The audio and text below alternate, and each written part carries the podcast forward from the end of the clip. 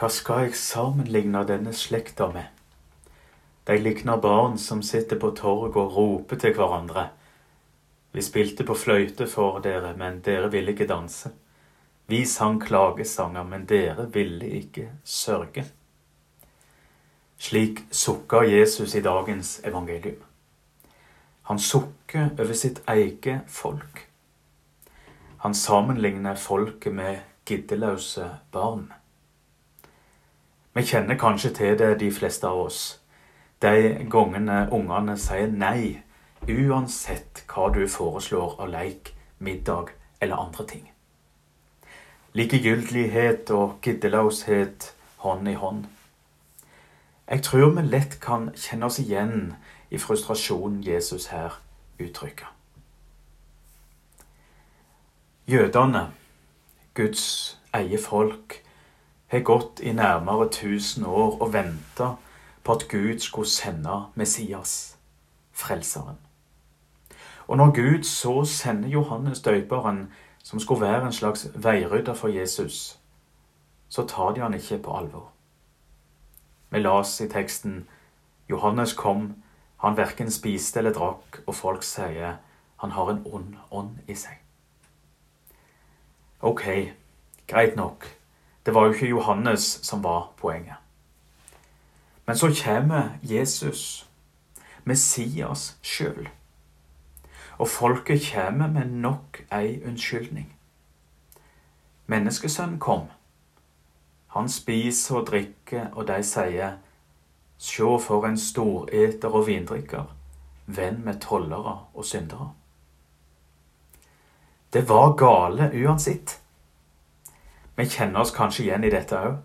Den frustrasjonen når uansett hva vi gjør, så blir det ille. F.eks. når vi skal trøste et barn, og ingenting nytter. Unnskyldning på unnskyldning. Dette er på mange måter jødefolkets historie. Vi minnes tilbake til Det gamle testamentet, alle gangene Gud har både varta opp sitt folk og frelst deg fra slaveri og undertrykkelse. Han som er den trufaste Gud. Men jødefolket var gang på gang troløst. Så òg når Jesus, ja, Guds sønn og folkets frelser, sto der rett før deg. Sjøl når han gjorde under, helbreda de sjuke, åpna blindes øyne, fikk lamme til å gå, ja, til og med reiste opp mennesket fra døden. Ikke engang da ville de tro at det var han som skulle være sendt fra Gud. Hvorfor ville de ikke lytte? Vel, de hadde nok en annen forventning om hva eller hvem Messias skulle være. De forventa en konge, en som skulle fri dem fra et politisk undertrykkende system, den romerske okkupasjonsmakta. En politisk frigjøringshelt mer enn en sjelens frelser, en som så menneskenes nød både fysisk og åndelig. Det ble rett og slett en nedtur for dem, så de ville ikke bli med på legen.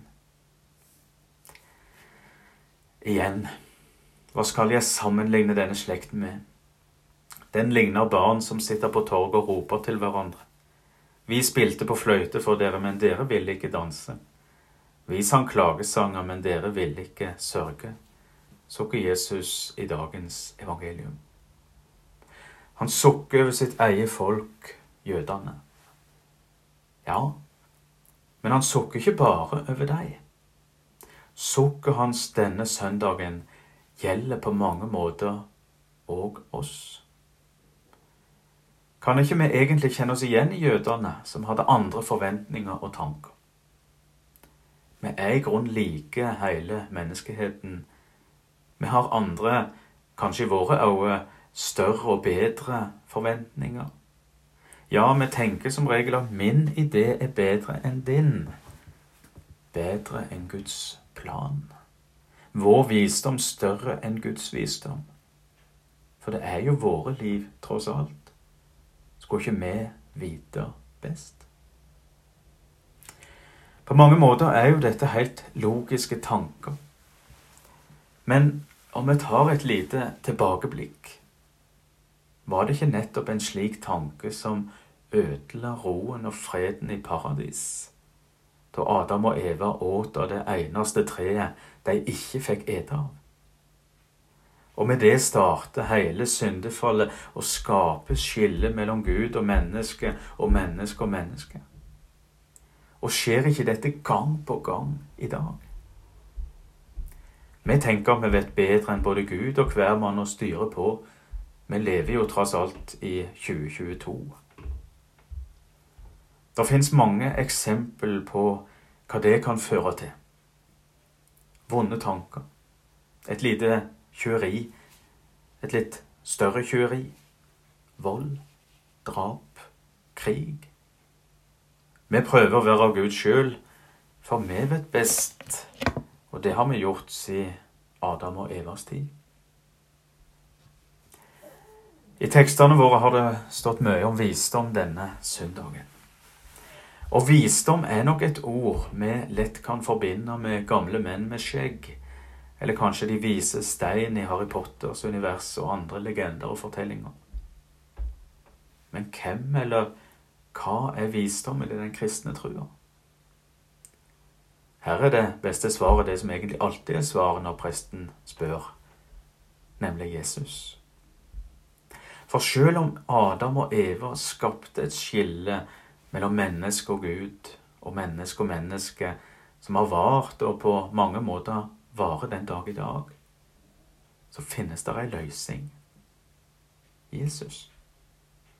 Selv om vi tuller det til og tror at vi vet best, er det, om vi tar den kristne trua på alvor, ingen tvil om at Gud, Han som har skapt alt til oss, vet best. Selv om vi lever i 2022. Hans visdom er den sanne visdom.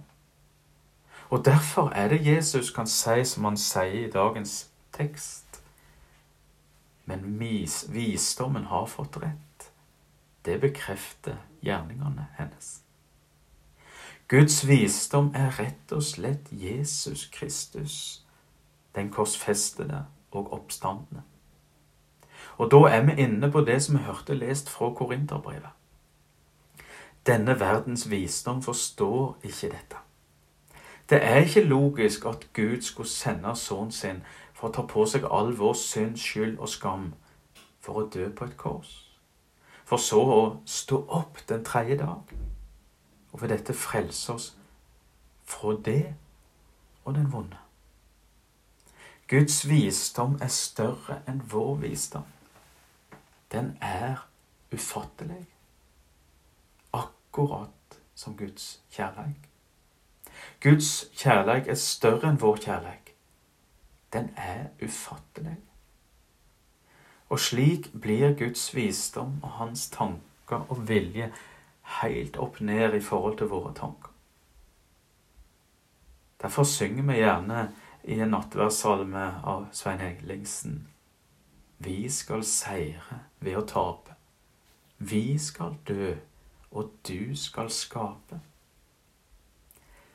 Døden er ikke siste stopp for oss. Livet vant. Dets navn er Jesus, synger vi i påsketider. Guds visdom blir til vårt håp. Om dere har hørt godt etter i løpet av både bibeltekstene og preiken, har vi faktisk ikke bare vært innom visdomsbegrepet men òg vært en del innom mat eller måltid. I preiketeksten hørte vi om Johannes døyperen som verken åt eller drakk, om Jesus som både åt og drakk med toller og syndere, og i leseteksten fra Det gamle testamentet la oss vi om visdommen som inviterer til måltid. Måltid på Jesu tid og i jødisk tradisjon, det var alvorlige greier. Man åt bare med de man hadde fellesskap med de man hørte sammen med, og som var reine. Derfor er det vi hørte at jødene ikke likte når Jesus åt med toller og syndere. De ble sett på som ureine. Og åt man med dem, ble man sjøl òg sett på som urein. Derfor er det helt radikalt at Jesus eter med både tollere og prostituerte og andre slags ureine folk. Men slik er Jesus. Han gjør ikke forskjell på folk. Ja, han sier 'gå bort og synd ikke mer', men han vil ete med alle og forkynne at hver den som tror på meg, skal ikke gå fortapt. Der ligger vårt håp. At Jesus har frelst oss fra synd og død ved sin egen oppstandelse. Ved sin egen død og oppstandelse. Han har sona alle våre synder. Og derfor kan vi tro og håpe at etter vår død kommer vår oppstandelse til det evige livet sammen med Jesus. Og derfor kan vi si at visdommen inviterer oss til måltid. For visdommen er Jesus sjøl. Og han inviterer til å ta imot han sjøl i brødet og vinen. I nattverden som vi feirer i vår gudstjeneste. Det er et måltid vi ikke forstår helt ut, og kanskje skal vi heller ikke forstå det helt ut. Men det vi etter hvert skal forstå, er at det er et måltid gitt oss av Mesteren sjøl, hvor han gir seg sjøl til oss, for oss. Hvor han møter oss der vi er, i våre opp- og nedturer. Uansett hvor vi er i livet, kan vi få komme til Herrens bord vi som hører Han til. Og han vil møte oss der ved alterbordet. Helt konkret. I brødet og i vinen. Om vi fatter det eller ei, om vi kjenner følelser for det eller ei. Men hans løfte står fast, og han har knytta sterke løfter til nattverdens sakrament og gave. For han elsker oss og innbyr oss helt nær til måltid med seg. For du, jeg og Jesus, vi hører på forunderlig og nådefullt vis sammen. Jesus sier, Se, jeg står for døren og banker. Om noen hører min røst og åpner døren, vil jeg gå inn til ham og holde måltid. Jeg med ham, og han med meg. Den som seirer, vil la sitte sammen med meg på min trone, slik jeg selv har seiret og satt meg med min far på hans trone.